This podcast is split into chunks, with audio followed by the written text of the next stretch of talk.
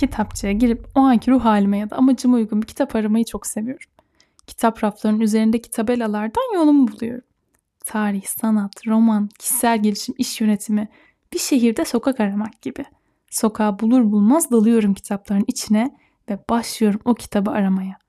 Kendime uygun kitabı arama becerilerimi çocukken geliştirdim. İlk olarak kitabın arkasını okurdum. Konu ilgimi çekerse kitabı okumaya başlardım. Konuyu anlamazsam ya da kararsız kalırsam da kitabın orta sayfasını açar, okumaya başlar, hikayeyi merak edersem kitaba başlardım. Böyle böyle kitap hakkında izlenim edinmeyi, yazarın dili hakkında tahminlerde bulunmayı öğrendim. Bu yaşımda kendim için doğru kitabı bulmayı bir nebze biliyorum ama bu sefer de doğru yöntemlerle okuma becerilerine ihtiyaç duyuyorum. İki sene önce o konuya da bir el attım. Uyguladığım taktiklerin işe yaradığını fark eder fark etmez de sizinle paylaşacağım bir bölüm hazırladım. Kitap okuma alışkanlığına sahip olanlar bu bölümü çok sevecek. Kitaplarla arası şöyle böyle olanların da bence çok hoşuna gidecek. Hazırsanız başlıyorum.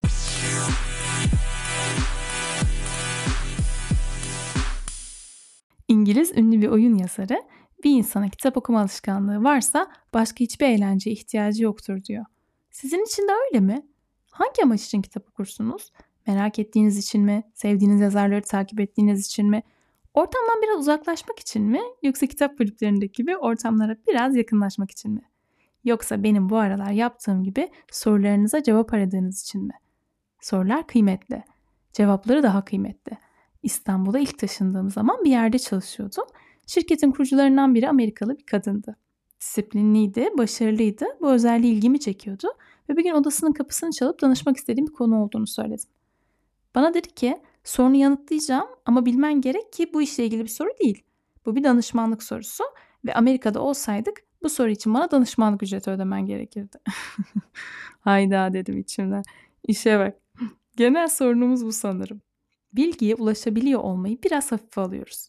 Bu yüzden de kitap okuma oranlarımız düşüyor da düşüyor. Sorular çoğalıyor.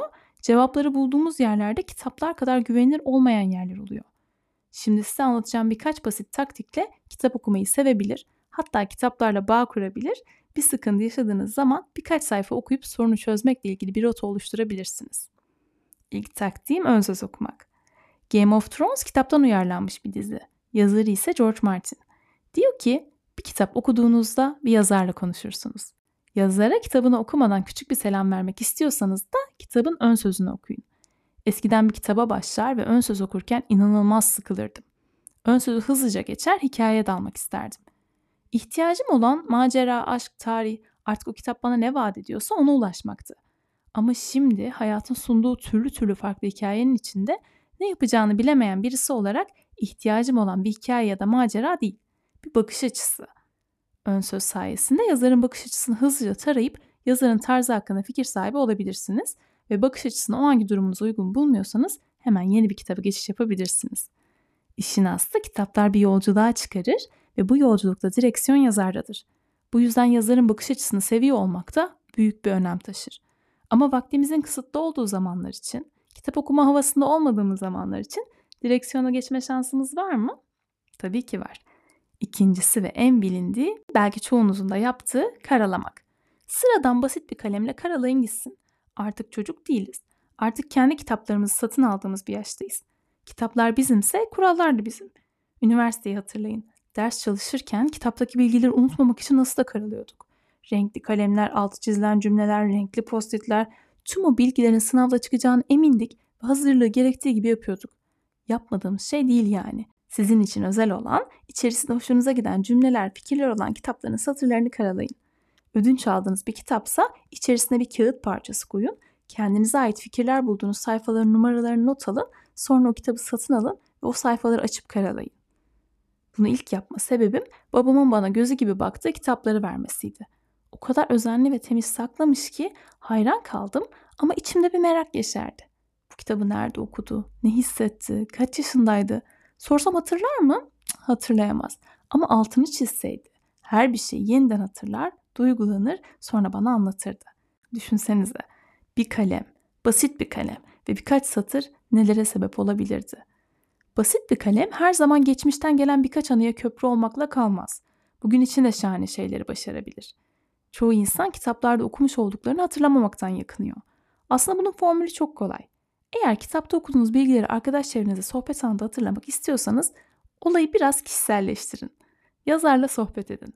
Ben uzun yıllardır Seth Godin okuyorum ve onun çözüm odaklı olmasını, özenli kelime seçimlerini ve kendine has mizahını çok seviyorum. Biliyorum ki Seth bana kısa cümlelerle dakikalar içinde sorumun cevabını verecek.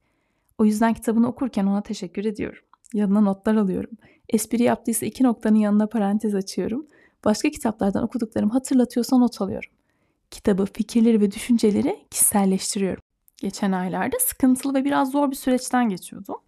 Dostlarımla dertleştim, yürüyüşlere çıktım. Kafamda bir şeyler oluştu ama çözüm henüz yoktu. Bu kadar uzun süre çözüm bulamıyorsam yol beni kitaplara itiyor. Amazon'da biraz gezindim ve setin daha önce bilmediğim kitaplarına rastladım. Kitaplardan birisi dipti. E ben de dipteydim. Kitabın siparişini verdim, ertesi gün elimdeydi. Yazarın dilini biliyordum. Lafı çok uzatmadı. 3-4 sayfa sonra çözümleri bana listeledi. Ağzımın payını aldım ve kendimi toparladım. Seth Amerika'nın bir yerinde beni hiç tanımadan yaşayıp gidiyor ama onu bu kadar iyi tanımak bana çok iyi geliyor. Anthony Bourdain ise Amerikalı bir aşçı, bir kaşif ve bir yazar. Onu özel yapan karakteri, bakış açısı ve kendine has tarzı. İlham verici ve keyifli birisi. Netflix'te onu anlatan güzel bir belgeseli var. Belgeselini izlediğimde Anthony'nin çalışma odasında günlerce hatta bazen haftalarca çalıştığını öğrenmiştim. Kendi yazdığı kitabını sipariş verip elime aldığımda konuyu çok net anladım. Kitabın basılıp bize gelen versiyonu karalamalar ve notlarla dolu. O kadar eğlenceli ki. Şimdi o eğlenceyi kendi versiyonumuzda sürdürme zamanı. Üçüncüsü renklendirin. Bu yeni yaptığım bir şey. İki yıldır karalıyorum. Doğal olarak işler biraz karmaşık bir hal aldı. Kitabı açıp karadıklarımı okumak sakin bir zamanda romantik. İşin ortasında panik halindeyken değil. Boya kalemlerimi yanıma aldım ve kitapların ön sayfasına notlar düşmeye başladım. Örneğin kırmızı renk motivasyon, mavi renk bilgi, sarı renk ise podcast fikri. Böylece sayfaların arasında gördüğüm renkleri ne amaçla çizdiğimi bulabiliyordum. Yani aslına bakarsanız renklerle kendime özel bir içindekiler bölümü oluşturdum.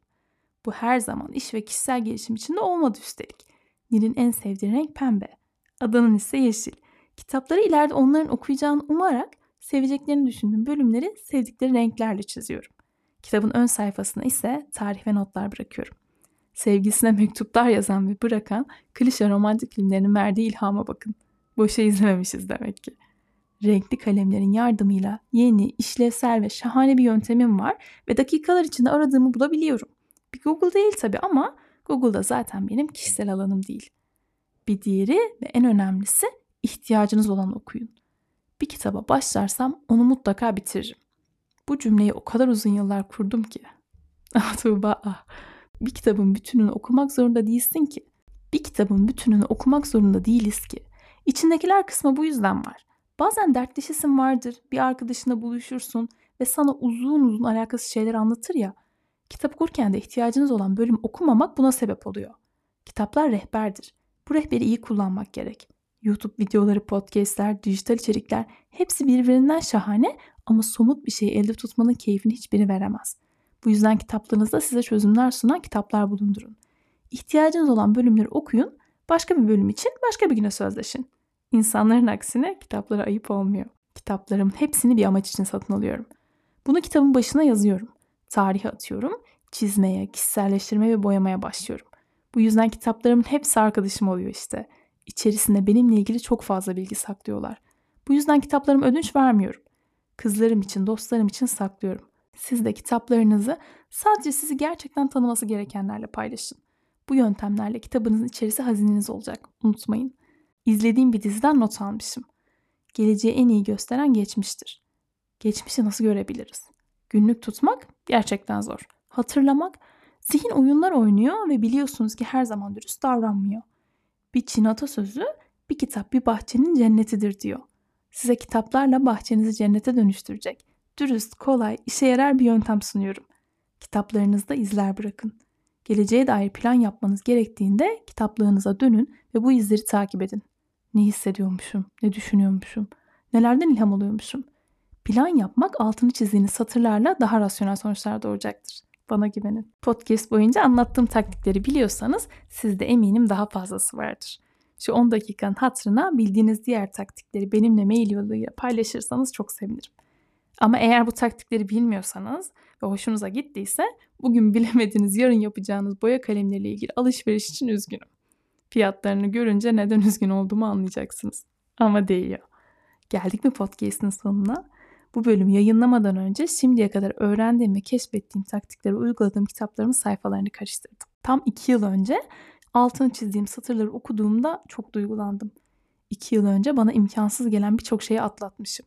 Sevmediğim birçok şeye merak duymaya ve ısınmaya başlamışım. Değişmişim, gelişmişim. Bazı konularda ise bir adım ileri gidememişim. Bana bunları istediğim her an söyleyecek ve hatırlatacak bir kitaplık grafiğe edinmişim. Beni mutlu eden deneyimleri paylaşıyor olmanın huzuru içimde. Olay oldukça tanıdık ve basit aslında. Paylaşmak genetik kodlarımızda. Hani kapı çalar da aşure gelir. Ummadık zamanda komşu memleketinden yöresel bir yiyecek getirir. Ben de kafeye taktığımda bazı bölümler işte böyle yapıyormuş gibi hissediyorum.